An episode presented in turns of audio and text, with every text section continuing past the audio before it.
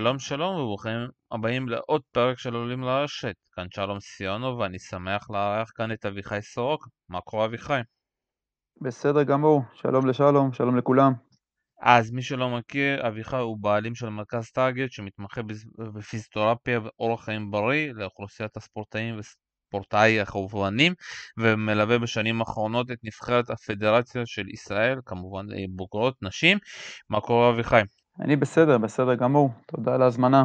אז אנחנו הולכים לדבר, אתה יודע, על הפציעות שהיו באוסטרליה, אה, כי זה היה יודע, טורניר די, אתה יודע, אה, מוזר, מעניין, בגלל כל העניין הזה של הקורונה, של הבידוד, שחלק היו בבידוד, אתה יודע, מלא, שלא יצאו 14 יום, אתה יודע, מהחדר המלון, לא היה להם אפילו אוויר, חלק יצאו לחמישה ימים, כמובן, אתה יודע, הנושא המרכזי שלנו היום פה זה הפציעה של נובק דיוקוביץ', אבל לפני זה, כפיזיותרפיסט, בוא תסביר לאנשים שלא מבינים מה זה להיות אה, בהסגר, שחלק אה, שהיו, ב, אתה יודע, ב-14 יום שהם לא יצאו מחדר המלון שלהם, אה, וחלק שהיו רק חמישה ימים.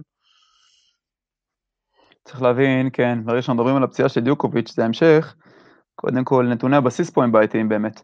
ברגע שאתה נכנס לתוך אה, אה, סוג של בידוד, או את האפשרות לצאת למגרש, לצאת למרחבים המוכרים, גם לא להרגיש את המגרש שבו אתה מתעד אה, לשחק את הטורניר הקרוב, גם לא להיות בחדר כושר שעושה את ההכנה הספציפית, הגוף יוצא בעצם מה, מהטונוס שלו, יוצא מהדריכות שלו, אה, הכנה מנטלית היא שונה לחלוטין, אין לך את האפשרות לעמוד מול שחקן יריב להעביר את הכדור מספר ימים עד הסיבוב הראשון, ככה שהגוף מגיע בסוג של שוק מסוים. בלי שום הכנה, לא פיזית ולא מנטלית. ההכנה היא שונה לחלוטין, וגם כן צריך אליה, זה לא מה שהספורטאים מכירים. אתה יודע, יש פה איזושהי בעייתיות, כי זה, אתה יודע, זה טורניר ראשון, זה לא כמו שאנחנו עושים את זה, את הבידוד הזה באמצע השנה, זה טורניר ראשון שהרבה שחקנים, אתה יודע, עושים אה, פגרה איזושהי, וחלק עושים פגרה מאוד קשה, שזה הרבה אימוני כוח, אה, אתה יודע, ויותר, פחות עובדים על הטניס ויותר עובדים על כושר הגופני, ופתאום שיש את ההפסקה הזאת, עד כמה זה משפיע? ההשפעה היא דרמטית, אנחנו באמת אה, מגדירים את התקופה הזו כ pre-season, pre-season מכין אותנו, טרום עונה, מכין אותנו לטורניר הראשון ולעונה תחרותית. אה, יש פה חשיבות לרצף, לרצף של הדברים. ההכנה באמת מתחילה בעבודה כללית, בעבודת כוח, עבודה של לב ריאה, uh, בשביל להשאיר את עצמך אחרי זה לספציפיות ולעומסים הכבדים הספציפיים בתוך הטניס. Uh, ברגע שאתה נקטע בכמה ימים, קח בחשבון שהם גם באים בטיסה, גם סגורים בתוך אה, חדר או בתנאים אחרים של אותו בידוד, אז אה, שוב, אותו רצף נקטע. אתה מאבד את החדות, מאבד את התחושה של הכדור, מה שנקרא, אתה לא מאבד כושר בחמישה ימים, אבל אה, מאוד משמעותי. ברמות האלה, לבוא באמת פרש וחמים וחדים. שוב, בשני, בשתי הפאזות, גם פיזית, גם מנטלית. איך, איך אפשר להתכונן, אתה יודע, ידעו את המצב הזה לפני זה, אתה כי אתה יודע, כמישהו שצריך להכין ספורטאי, אפשר אה, להכין אה, לעניין הזה? אה, תראה, הכנה היא הכנה לכל דבר, עד לאותו רגע של בידוד, ברגע שהגעת לנקודה שבה אתה מחויב להיות בחדר או במשבצת, לא משנה מה הגודל שלה, אתה עושה את העבודה על המשבצת, וזה בהחלט מקשה, אתה תעבוד במקום, על גומיות, תרים דופק במקום, אתה יכול לשים אופני כושר לצורך העניין, לעבוד עליהם באינטרוולים, לעשות סימולציות של פורן, בקאנד וכל מה שקשור לענף כמובן, אה, כנגד גומי, אבל זה רחוק מהדבר האמיתי. בהחלט תנאי פתיחה לא טובים. אה, שוב פעם, זה מאוד מעניין, אה, ואנחנו דיברנו עכשיו בכלל על הבידוד המלא שיש בכלל לשחקנים שזה, אתה יודע, שנייה, עוד פעם, אני אנסה את השאלה הזאת בצורה שונה. יצא מצב, אתה יודע, שהיה לכל מיני שחקנים איזשהו יתרון. יש כאלה שהגיעו, ואתה יודע, והיה להם מזל, והיה להם מזל, אה, והם, אתה יודע, לא נכנסו לבידוד מלא. ויש כאלה שנכנסו לבידוד מלא, שזה אומר לא לצאת 14 יום אה, בכלל, אה, אתה יודע, מהחדר שלהם. ואתה יודע, ראינו, ועכשיו אני קצת קופץ קדימה, אתה יודע, היה איזושהי סטטיסטיקה מדהימה ששחקניות, למרות שהיה להם שבוע אחרי זה, כמעט, אתה יודע, רובם עפו כבר בסיבוב הראשון, בעיקר בנשים. אה, בוא תנסה להסביר איך, זה, איך הגענו למצב הזה ולמה זה היה כל כך קשה, אתה יודע, להחזיר את הגוף אחרי 14 ימים בתוך חדר אה, סגור? שבו, שוב, אה, שבועיים הפוגה פיזיולוגית. גם מבחינת מוטיבציה, קשה להחזיק את זה. אתה בשבועיים על ארבע קירות, לחזור בעצם על אימון, או אימון שהוא לא מגוון, לא נותן לך את האפשרויות האלה של המגרש, ללא חדר הכושר, ללא הכנה, ללא דברים שאתה מכיר. כל ספורטאי בא עם ההרגלים שלו, הרגלים שאיתם הוא רץ כל השנה, והוא יודע מתי להוריד לפני הטורניר, הוא יודע מתי ללחוץ לפני הטורניר, מה שנקרא נושא התקופתיות, פריודיזציה. אנחנו בעצם אה, מגיעים לפיק, לשיא, בדיוק בנקודה הזו שבה הטורניר מתחיל. אה, מאוד קשה להגיע לאותו שיא אחרי 14 יום בידוד. 14 יום, שוב, הגוף, ב... אם נרצה או לא נרצה, הוא באיזשהו דיסיוז, הוא לא מאוד קשה אה, להשיג פיזית את כל המרכיבים שעליהם רוצים לעבוד באותו חדר, גדול ככל שיהיה. מאוד קשה להרים דופק, מאוד קשה להשיג אה, עבודת כוח, צריך לאלתר. אני מאמין שהחבר'ה באו עם האביזרים ככל שאפשר, אבל אתה עדיין אה, עובד אל יבש, לא על רטוב מה שנקרא, אתה רחוק מהמגרש, מאוד קריטי להרגיש את הכדורים, להרגיש את המחבטים, אה, מזג האוויר. לא נשכח שאוסטרליה זה תנאי מזג האוויר שונים לחלוטין מאיפה שהם מגיעים.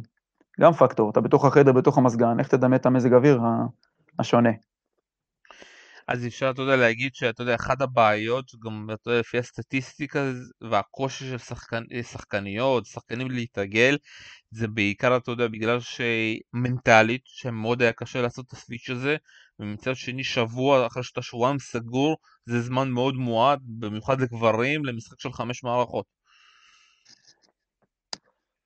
אה, השינוי הוא חד, אנחנו מכירים מושג שנקרא Weekend Warrior, אתה יודע מה זה מזכיר לי את אותם אה, לוחמי סוף השבוע, ששבעה ימים אה, יושבים במשרד, ביום השביעי בשבת יש להם פס מהבית, מוצאים יותר זמן, פתאום הסטרס מהעבודה יורד, אתה בא לשלוש שעות, ארבע שעות למגרש, ושם מתחילים, מתחילות הצהרות, קרעים בשרירים, אה, קרעים ברצועות, נזקים אפילו לשריר הלב, שלא נדע, אצל מי שבכלל אאוט לגמרי ולא מאומן. אז זה מה שקורה פה, הגוף בעצם חוטף איזושהי טראומה. אם אתה לא יודע להשיג את אותם דפקים שמתרחשים על המגרש, אם אתה לא יודע לפתח את אותם עוצמות ב- בתוך שבועיים, זה באמת משמעותי, אז הגוף בעצם פתאום 0 ל-200, אה, לחלוטין נחשף לכוח מתפרץ ברמות הגבוהות ביותר, נחשף לטראומות, חד וחלק. את זה ראינו אחרי זה, הפציעות שחזרו על עצמן. טוב, יאללה, בואו נעבור, אתה יודע, זה כאילו הייתה הקדמה, בואו קצת נעבור ישר לפציעה של נובק דיוקוביץ'. אני אתחיל, אתה יודע, שוב פעם, עם הרקע, מי שלא שמע, הוא נפצע במשחק בסיבוב השלישי מול אה, פריץ, אה, פציעה בסט השלישי, שבדיעבד הוא אמר שהוא כבר הרגיש שזה קרע, שהוא הרגיש שזה קרע בשריר, אה, בשרירי הבטן, איכשהו, אתה יודע, הוא הצליח ככה, אתה יודע, לסיים את המשחק הזה ולנצח, ואז התחיל איזשהו מחול, אתה יודע, סביב נובק. אז בואו קודם כל תסביר, בסופו של דבר, אתה יודע, אחרי שבדקו, כן היה שם קרע שהתחיל, שב-MRI הראשון היה ממש קטן, ואחרי שהוא עשה את ה-MRI השני הוא ממש גדל.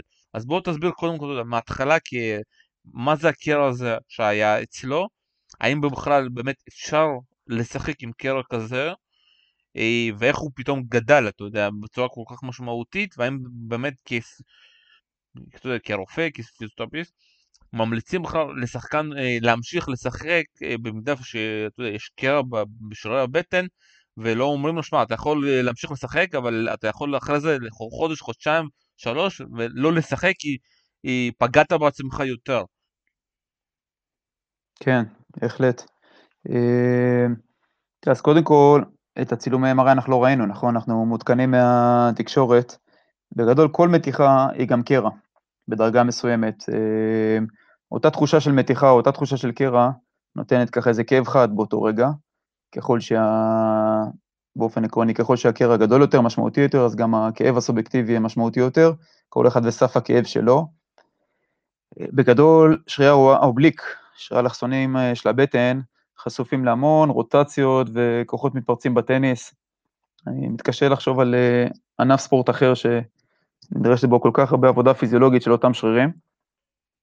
ובהחלט החבר'ה הטניסאים אה, חשופים לפציעות מהסוג הזה.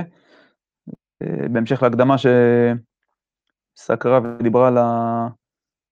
על המשמעות של הבידוד לפני, אז אותו שריר שוב נחשף לכוחות מתפרצים בלי הכנה מוקדמת, בלי הכנה של הרטוב מה שנקרא, יכול להיות באמת שחלקם הגיעו מבידוד קצר, בידוד ארוך, ואחרי זה נחשפו לעוצמות הגבוהות, במיוחד אצל נובק שמצטיין בזה. ברגע שקרע קטן, אפשר להמשיך, אפשר להמשיך. ישנן טכניקות שעושות הדבקה בהורדת כאב, וישנן זריקות, זריקות שמשככות כאב, painkillers שמפחיתים את הכאב, נוגדי דלקת. ההשפעה של אותם, אותן תרופות היא לא מהירה, היא לא מיידית. אם הוא לוקח את זה תוך כדי משחק, אז לוקח 30 דקות עד שאותו כדור עושה הקלה. החבר'ה האלה צריך לזכור, מכירים כאב וסופגים כאב כל בוקר וכל ערב, הם חיים את זה. וככה שבמחקרים רואים בצורה יפה שספורטאי עילית, למעשה יש להם סף כאב הרבה יותר גבוה. אז ככה שקרע קטן כזה, אתה יכול להזניח אותו, מה שנקרא. יכול שהקרע גדול, גם נובק דוקוביץ', הפנומן, יעצור ולא יוכל להמשיך. אותה חבטה לא תצא לדרך, ואותו קרע, אותו כאב יגביל אותו ויעצור אותו, יעשה מה שנקרא איניביציה, מחסום. הכאב לא נותן לנו, תלוי בסף, אבל uh, כאב משמעותי, כל אחד והסף שלו, עוצר אותנו מפעולה בעצם נורמטיבית, פעולה רגילה של uh, חבטה, ובטח בעוצמות המוכרות. צריך לזכור גם את סף הכאב הגבוה אצל החבר'ה האלה, מעבר לזה, מי שאתה יודע, הם יודעים לעשות גם איזשהו פיצוי מסוים, uh, נובק יודע לייצר כוחות אדירים עם מינימום השקעה, מה שנקרא טכניקה. ככל שהטכניקה שלך טובה יותר, ככל שהמינות גבוהה יותר, אתה תדע להוציא את הכדור בכוח, עם פחות גיוס של כוח אה, מבחינת הגוף, פחות אה, גיוס של אנרגיה מבחינת הגוף. זה כולל את כל השרשרת התנועתית, את הרגליים, את האגן, שרירי הבטן, שחוו את הפגיעה.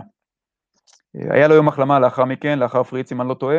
ביום החלמה הזה היה מאמין שהוא עובר הרבה טיפולים אינטנסיביים, כמובן ממשיך עם אותם נוגדי דלקת, קומפרסים קרים, קומפרסים חמים, עיסויים דחופים במקום, ישנם מדבקות יש נוגדות דלקת שמדביקים על השריר הפגוע. לטווח ארוך, אין פה נזק בלתי הפיך, השריר עושה רגנרציה, מתחדש למעשה בצורה טובה, בטח שגם אצל ספורטאי ברמות האלה ובגילאים הצעירים. ככל שהקרע עמוק יותר, אז השבתה תהיה ארוכה יותר, גם נקודתית, הוא לא היה עולה למשחק יום לאחר מכן, אם היה קרע נרחב, או כמובן קרע מלא, שהוא מאוד נדיר. ו... ברגע שהוא עלה למשחק ביום ה... יום לאחר יום המנוחה, מי זה היה, אני לא טועה, סיבוב לאחר מכן, ראוניץ'. נכון. כן. אני חושב שראו אותו בהתחלה טיפה מקרטע, ואחרי זה הכל התחבר. משה מוסברב, אני זוכר את הסט הראשון ככה, הלך לו טיפה קשה, ומישהו כן ככה היה קצת כאוב, מעט נוקשה באזור הזה, ואחרי זה דברים נפתחים. ברגע שהקרע הוא קטן, אז האנדורפינים שמשתחררים, האנרגיות של המשחק, אה, אותו אדרנלין משכך את הכאב. ברגע שיש נזק מבני משמעותי, אז גם זה לא יעזור, לא נוכל לתפקד בתוכו. עכשיו, ברגע שאתה רפטטיבי, חוזר על המכות וחוזר עליהם שלוש, ארבע שעות בתוך כל משחק כזה, אז כן, קרע כזה יכול להתרחב, וזה בעצם הסיכון המשמעותי. עכשיו, הוא בתוך אה, גרנדסלאם, הוא לא בעוד טורניר קטן אה, בשכונה, מה שנקרא.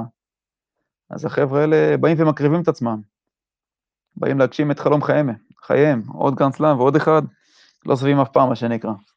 אז יפה, אז אני רוצה עכשיו לקחת אותך לאחורה, ואתה יודע, לתת עכשיו איזשהו דגש על המשחק הזה מול פריץ. אתה יודע, היו בו שם כל מיני דברים. הייתה, הפציעה הזאת הייתה במצב של 2-0, ושהוא הוביל, ואז הגיעה הפציעה. ואז ראינו נובה כזה, אתה יודע, כמו שאתה אמרת, עם כאבים, שאתה יודע, כאבים קשים, אה, שהוא רואים אותו על המגרש, שהוא לא זז. ואז כמובן, אתה יודע, הגיע הרופא, נותן לו, כמו שאתה אומר, כל מיני אה, כדורים. ואז במקרה הזה, אתה יודע, במשחק הזה גם היה את העניין הזה של העוצר, שבו הקהל לא רצה להתפנות והפסיקו את המשחק לעשר דקות עד שכל הקהל יצא. אז בדיעבד אותו אפשר להגיד שהעשר דקות האלה נתנו ככה לנובק זמן יותר שהכדורים האלה יתחילו לפעול והוא ככה והכאבים שלו אתה יודע הוא לא ירגיש את הכאבים. אה, כל דקה משמעותית אם אני לא טועה המדיקל שם קריאה צוות רפואי הרשמית היא שש דקות, לא יותר מזה, אם אני לא טועה. אה, תתקן אותי, אם לא. וכל דקה נוספת היא בהחלט בונוס משמעותי למטפל שידו לפיזיותרפיסט, לרופא שככה ייתן עוד חוות דעת, אה, עוד איזה רעיון, עוד מקום ליצירתיות בהקשר הזה. אה, עוד חבישה יותר חזקה, עוד איזה כדור נוסף, עוד, עוד עיסוי שיעזור. בהחלט. עשר דקות זה משמעותי, זה סשן טיפולי. לא קצר. לא קצר. ושוב, עם כל זה, בוא לא נשכח שזה נובק, נכון? אנחנו מכירים את זה, שנובק יודע לשחק יפה ביריבים שלו. אני לא יודע כמה כאב הוא חווה שם, מה שנקרא זאב זאב, אבל בוא נצא מנקודת הנחה שכן, נכון? יש MRI והייתה פציעה והיה קרע. אנחנו לא יודעים כמה כאב היה משמעותי.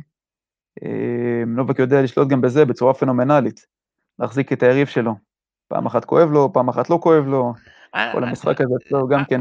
אני יודע, אבל לא מפקפק, בואו ניגע בו קודם כל בצד הרפואי. אני אני בא מהרפואה וננקה את הכבוד עכשיו. אני יודע, אנחנו מכירים, אני בכוונה נוגע בצד הרפואי, כי אני אגיד לך למה, נוב, בגלל שנובק מכיר, כמו שאתה אמרת, מכיר את הגוף שלו, אז אני חושב שהוא יותר חיכה, אתה יודע, לרגעים המשמעותיים כדי לשים שם את הגז, שהוא אמר, לצ... כאילו לדעתי, אני לא, לא יקרה שום דבר אם אני אפסיד גם את הסט השלישי והרביעי, אבל אני אגיע אחד לסט החמישי, שאז בדיוק. כאילו הכדורים, ואתה יודע, אה, יתחילו לעבוד, ואז הוא לא ירגיש את, ה, אה, את הכאב, כי בסופו של דבר כשאתה נמצא על האדרנלין, אתה יודע, כולם אומרים את זה ואתה יכול להגיד, כל הספורטאים שגם נקראים הרצועות, סתם דוגמא אפילו, עולה לי עכשיו מאור בוזגלו ששיחק חצי מחצית שיחק עם שהרצועה שלו נקראה, שאתה נמצא באדרנלין, אתה יכול להמשיך לשחק ולשכוח מהכאב. הבעיה זה כמובן אחרי שאתה מסיים את המשחק ואתה צריך, אתה יודע, והאדרנלין אה, יורד. זה נכון, יש פה גם מרכיב אבולוציוני של הישרדותי. הגוף נותן לנו להמשיך, להמשיך ולהמשיך ולהמשיך כביכול בשביל לברוח מהסכנה. אז פה אין סכנה, אה, יש איזו תצוגת תכלית והחבר'ה על הבמה הגדולה, ונובק ואחרים ברמות האלה, אתה לגמרי צודק, יודעים לשלוט ביריב, ויודעים לתמרן את עצמם. זה כמו שרץ מרתון, לא יתחיל בספרינט, אלא יחלק את הכוח שלו, האחרונים שם ייתן את הגז. זה בדיוק, זה החלוקת עומסים הפיזיולוגית, ואם הוא יודע להחזיק את היריב שלו על אש קטנה, כי הוא מבין שה painkiller יעבוד אחרי חצי שעה, 40 דקות, אה, ובעצם הכאב ילך ויהיה יותר מטושטש, ושם הוא ילחץ, איפה שצריך, יחכה לטיימינג המתאים, אז אה, לגמרי, אני בטוח שהוא, ברמות האלה, הם עושים את זה וחושבים על זה. מעולה. עכשיו השאלה הבאה, הוא אמר ככה לפני המשחק של אה, לפני ראוניץ' וגם לפני זוורב, הוא לא התאמן בכלל. יומיים שהוא היה כל היום בחדר, אתה יודע, התאוששות, ואתה יודע, התעסקו איתו הפיזיותרפיסט האישי שלו. עד כמה, אתה יודע, עד כמה זה משמעותי, עד כמה, אתה יודע, איזה דברים ב- ביומיים שאתה נמצא כל היום בהתאוששות באמת יכול לעזור, שאתה לא נמצא דקה על המגרש. בוא תנסה קצת להסביר לנו למישהו שהוא לא ספורטאי מקצועי. כן, אז שוב, אז ככל שיש נזק מבני אמיתי, אה, אין פה, הטיפולים לא יזרזו את אותו נזק, כן? יש ביולוגיה, קרע גדול ונרחב גם יכול להגיע לשמונה שבועות, עד כדי כך, שמונה שבועות השבתה. אה, ככל שהקרע קטן, אנחנו כן יודעים להשפיע על עוצמות של כאב, וזה אומר עיסוי מקומי, זה אומר חום, קומפרסים קרים, קומפרסים חמים שמתרחשים כעשר דקות, רבע שעה כל אחד מהם ולסירוגין. אה, כדורים אמרנו, כן, עד גבול מסוים. יש כמויות שאנחנו יכולים לקחת, כמויות שעוצרים בהן, אבל uh, מעבר לזה, זה יכול להיות uh, אמבטיות של חום, זה יכול להיות ווירפול, מה שנקרא ג'קוזי, סאונות, שזה גם כן סביב אותו אפקט של חום קור. יש טיפולים בחשמל, יש טיפולים בתא לחץ, שנובק מצטיין בהם. אני לא יודע אם שם יש להם את ה-facilities, אבל בגדול גם מה שיכול לתרום, כן, כן, גם מה שיכול לתרום לעוצמת הכאב. יש חבישות למעשה, ותנועה, חשוב לשמור את הגוף בתנועה. זה יכול להיות סשן רגוע של אופניים, זה יכול להיות תרגילים של פלקסיביליטי, גמישות כללית, פחות למתוח את המקום ספציפית, אבל בהחלט מסביב, ככה לשמור את הגוף כשיר, לא לתת לו להיכנס למה שנקרא תרדמת. אבל אלה דברים, אלה דברים העיקריים, וכמובן התזונה, התזונה פה משמעותית. תזונה רוויית חלבון, אה, למען הריקאברי, למען התאוששות, אה, יותר חלבון, יותר מהרגיל, ארוחות מסודרות, הרבה נוזלים שעוזרים פה בריקאברי המקומי של השריר. אלה הדברים. אה, אצל נובק, אתה יודע, הוא, הוא יש לו תפקיד מסוים כשהוא אוכל בלי גלוטן. אז אני מאמין שהדיאטן האישי שלו כן הצליח למצוא לו גם, אתה יודע, לתת לו יותר חלבונים, לא ככה? בטוח, בטוח, יש את הפתרונות uh, בהקשר הזה, ואני מאמין שמאשרים אותו בחלבון. יפה. עכשיו בוא... בין היתר. בוא נדבר על תאי לחץ, אה, אתה יודע, מה שאצלנו בארץ יש, יש, אתה יודע, זה, הבנתי שזה עולה מאוד הרבה, הרבה כסף, יש את זה באסף הרופא, אה, מכניסים לשם, אתה יודע, לקבל טופס 17 מאוד קשה, אצל נובק שמעתי שב-US Open הוא הביא תא לחץ פרטי בשביל עצמו, אני מאמין שגם באוסטרליה, אתה יודע, הוא מצא דרך להיכנס. בוא קצת תסביר על הטכנולוגיה הזאת ועד כמה זה משמעותי, עד כמה זה, אתה יודע, זה עוזר לשחקנים ככה לצאת אחרי משחק מאוד קשה. כן, קודם כל במקור תאי לחץ אה, נועדו לטיפול בנפגעים של אה, תאונות צלילה. אה, בפרט במקרים של דקומפרסיה, כשבעצם אנחנו עוברים מעיכה של הריאות במעמקים. משם זה הגיע, ושם זה למעשה התבסס ככה ברמה מדעית. ואז מפה לשם זה הגיע לכיוון גם של הספורט וגם של פתולוגיות שונות, קוגניטיביים אפילו היום, ככה מאוד מאוד תפס עכשיו ונכנס לאופנה.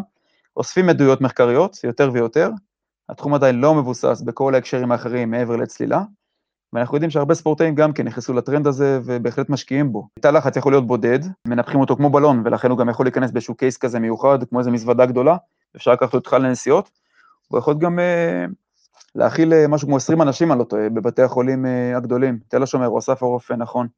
אני יודע שאתה יכול אה, להגיע, לא פשוט, אבל אה, בהחלט, יושבים משהו כמו 20 אנשים בחדר ועוברים את אותו טיפול, את אותו session. בעקבות הטרנד הזה, אנחנו יודעים שספורטאים כן, עושים את זה, פעם בשבוע, פעמיים בשבוע, ובטח גם במצבים של פציעות. עד כמה זה משמעותי, אתה יודע, נובק עושה את זה, ואתה יודע, נובק זה אחד האנשים שתמיד מחפש את הדברים הכי, אתה יודע, התקנים, את כל הדברים הוא מנסה. על עצמו, לגוף שלו, אתה יודע, כי הוא נלחם סביב לעבור את פדרר ואת נדל, עד כמה זה משמעותי, מה זה נותן, אתה יודע, הטיפול הזה? תראה, קודם כל אני לא מאמין שזה נקודתית, אה, באמת משפיע על אותו יום הפוגה או אותו יום של פציעה. יכול להיות שבלונגרן עדיין בודקים את זה, זה בהחלט מקצר את טווח ההחלמה, את זמן ההחלמה. אני חושב שבקרע כזה בשריר זה בהחלט רלוונטי, זה בהחלט אינדיקציה משמעותית לשימוש בתא לחץ. אה, אתה יושב בתוך התא, למעשה אתה נותן את אותו חמצן בלחץ גבוה, לחץ גבוה מהלחץ האטמוספרי. הרקמות עוברות חמצון, אנחנו יודעים שהרקמות, בשביל הריקאברי צריכות את החמצן, ככה שפה הגוף בעצם מקבל בוסט של חמצן. הלחץ פלוס מינוס גבוה בפי שתיים וחצי, שלוש מהלחץ האטמוספרי הרגיל, אם אני לא, לא טועה, והזרמת החמצן המוגברת בהחלט מוששת רקמות. אנחנו יודעים שהרקמה תעשה צלקת מהירה יותר, אותה רקמת שריר, ככל הנראה. אז בסופו של דבר אתה אומר שהטיפול הזה מאוד, אה, יכול להיות בדיעבד מאוד עזר לנובק. אה, שוב, אני לא יודע אם נקודתית באותו יום או באותם יומיים זה מה שעושה את ההבדל. צריך לזכור שיש מושג שנקרא פלספו, כל דבר שתשתמש בו, ככה ת, תתמוך בו ליד הספורטאי, יעשה לו טוב, גם ברמה הנפשית, גם ברמה המנטלית. אה, הנה, יש לך פה עוד דבר שעוזר וידחוף, ויחדש את השריר, עושה טוב לשמוע וזה מרגיע, זה מה שנקרא פלסבו, זאת אומרת, גם הדבר הזה לא נמצא כמוכח או נקודתית בטווח הקצר באותו יום-יומיים, הספורטאי עובר עוד משהו לטובת הטיפול. הוא לא סתם יושב בחדר ומחכה שהפציעה תחלוף לה. גם פה זה משמעותי, בהחלט, אפקט הפלסבו. מעניין. עכשיו, אתה יודע, בוא, עכשיו אנחנו עוברים אתה יודע, שבוע אחרי, אתה יודע, עובר איזשהו זמן, אתה יודע, אני לא זוכר באיזה יום היה, אבל אני זוכר שעבר זמן בין המשחק מול פריץ עד המשחק בחצי, בחצי הגמר, עבר לפחות שבוע, ונובק משחק עדיין עם הפציעה, ופתאום אנחנו רואים אותו גם בחצי גמר ואחרי זה בגמר, חדש גם עדיין עם הפציעה, אבל יותר, אתה יודע, אתה יודע, נכנס למשחק כבר מהסט הראשון, יותר מהיר, וזז בצורה יותר טובה. מבחינה רפואית אפשר להסביר את זה, כי הוא יכול, יכול להגיד לי פתאום אחרי שבוע, אה, הוא כבר התרגל לכל, אתה יודע, את כל הדברים, לכל העבודות שעושים עליו, והגוף כבר מרגיש יותר טוב. או שאין לזה הסבר רפואי.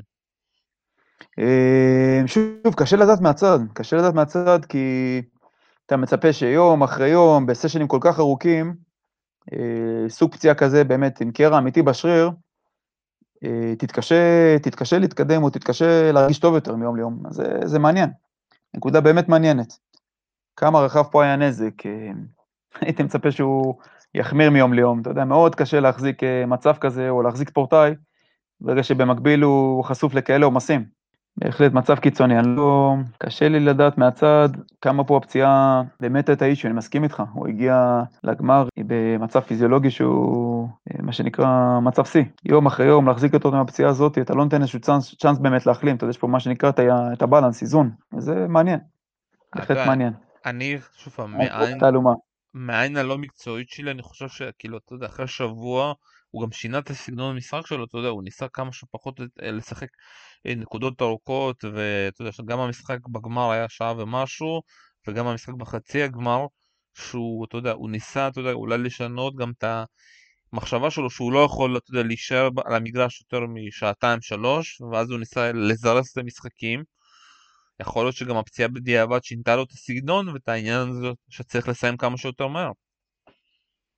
אה, בהחלט, יכול להיות. גם נקודה, נקודה מעניינת. אם הוא תמרן ברמות כאלה, אז כן, בהחלט מדהים. לדעת לבוא ולעשות את זה, אה, לחפש נקודות קצרות יותר, או נקודות משמעותיות, נקודות ניצחון, בלי לדחוף את הכדור, מה שנקרא, בלי למשוך את המשחק, את הסט, לבוא מפוקס, שיקצר כמה שיותר את המשחקים, את הסטים, זה יכולת מדהימה לדעתי, אה, אם באמת זה מה שהיה. כן, טוב, מבחינה סטטיסטית הוא הקד בטורניר הזה הכי הרבה אייסים בשחיות שלו באוסטרליה, וגם בגמר ראינו, וגם בחצי הגמר שהסף שלו נתן לו הרבה אייסים, זה אומר שהוא קיצר את הנקודות שלו המון, אם אני אעשה אפילו בדיקה לעומת 2000 אה, לפני שנה או לפני שנתיים בשחיות שלו, אתה תראה שהדקות שהוא לקח למשל בטורניר הזה על הסוף שלו היה, היה לדעתי הכי קצת. מעניין. בהחלט נתון מעניין. טוב, אתה יודע, אז אנחנו ככה מסיימים ככה עם נובק אה, לגבי כל זה, ועכשיו אתה יודע, מתחיל, אתה יודע, הוא עושה MRI שני, הוא אמר שהוא עשה MRI שני אחרי שהטורניר נגמר, וראו שמה שהקרע, אתה יודע, אה, גדל פי שתיים, אתה יודע. ואתה יודע, הרבה ספורטאים אומרים שהם משחקים עם איזושהי פציעה, ופתאום כשהם מסיימים, אתה יודע, רואים, כאילו עושים עוד פעם אה, טיפ, כאילו בדיקה, צילום, ורואים שכאילו בגודל הוא עלה. מה עושים עכשיו, אתה יודע, מה... אני מאמין שהוא לא ישחק עכשיו חודש, חודשיים, אבל מה, מה הולך להיות הטיפול? בתוך זמן החלמה כזה, כן, קודם כל אה, נותנים לצלקת להיסגר, יש מה שנקרא שלב החלמה ראשוני, ושם במצב הזה אתה לא יכול להציק יותר מדי. העיסויים במקום יותר שטחיים, אה, הסוג אימון הוא יותר אה, סיבולטי, ללא עבודת כוח של המקום, ללא מתיחות אגרסיביות, זה יכול להימשך כשבועיים, שלב התהליך הזה של סגירת הצלקת. לאחר מכן אתה תשלב גם עבודת כוח, תתחיל במנחים יותר ניטרליים, בלי לקחת את השריר לאורך מתח מלא, כדי לא לפתוח את הצלקת, ובלי המתיחות האגרסיביות, תשיג ככה בצורה עדינה טווחים יותר ויותר גדולים.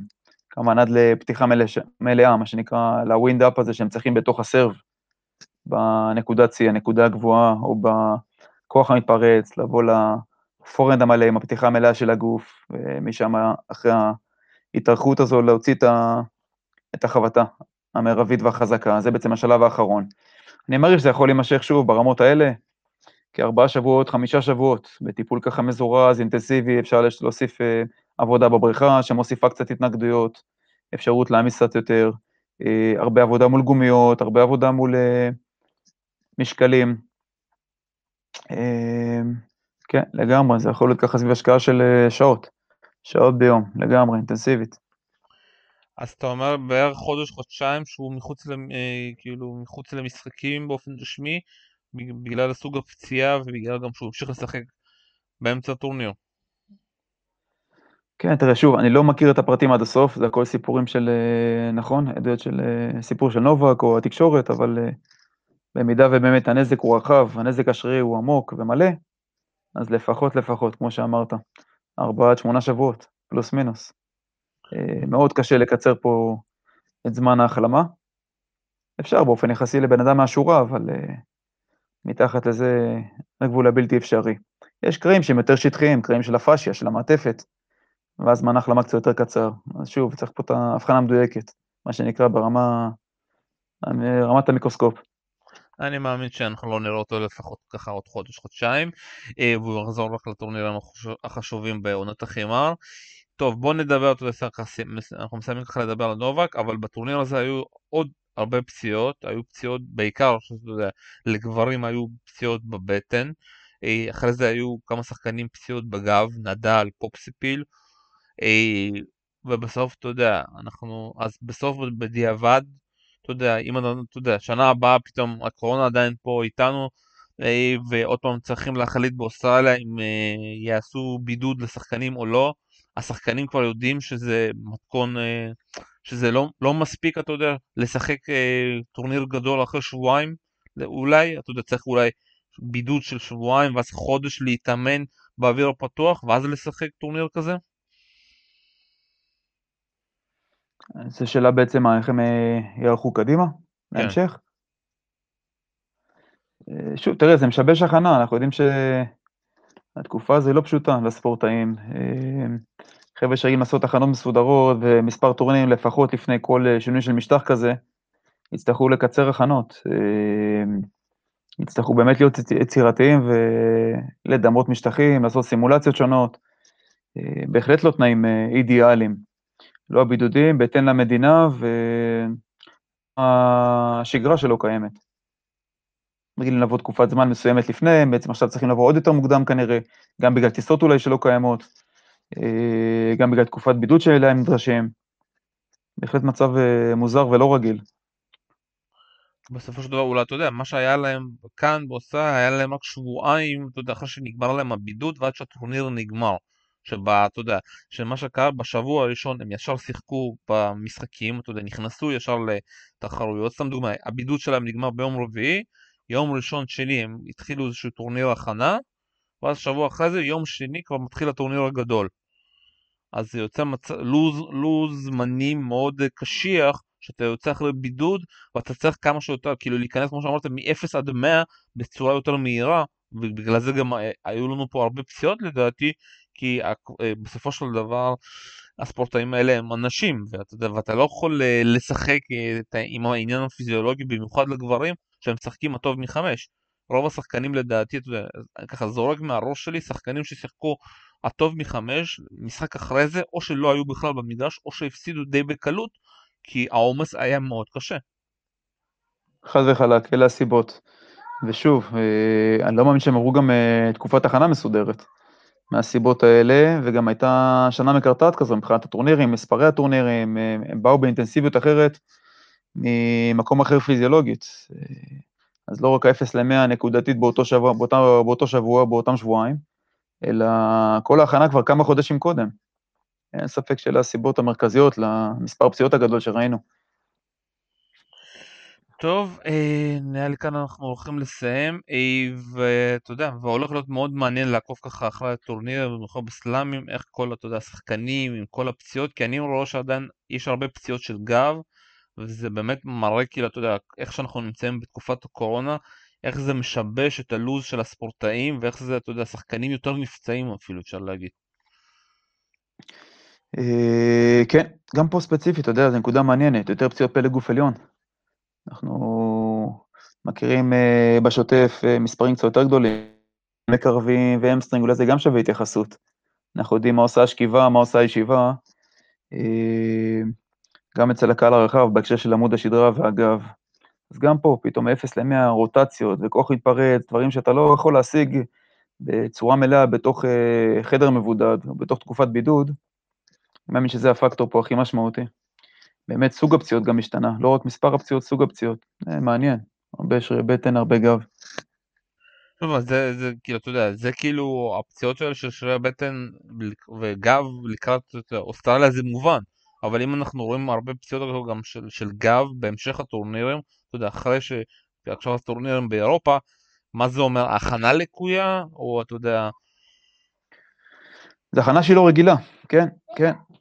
הכנה שהיא לא רגילה. אה, אתה יכול לחזק את הגב, זה בסדר, בתוך המשבצת הזו הקטנה של החדר כושר או בתוך החדר, אבל אתה לא יכול אה, להוציא מהגב את אותן עוצמות שמתרחשות על המגרש, כשאתה בא לתקופות אה, בידוד כל כך תכופות ולכל כך הרבה שינויים.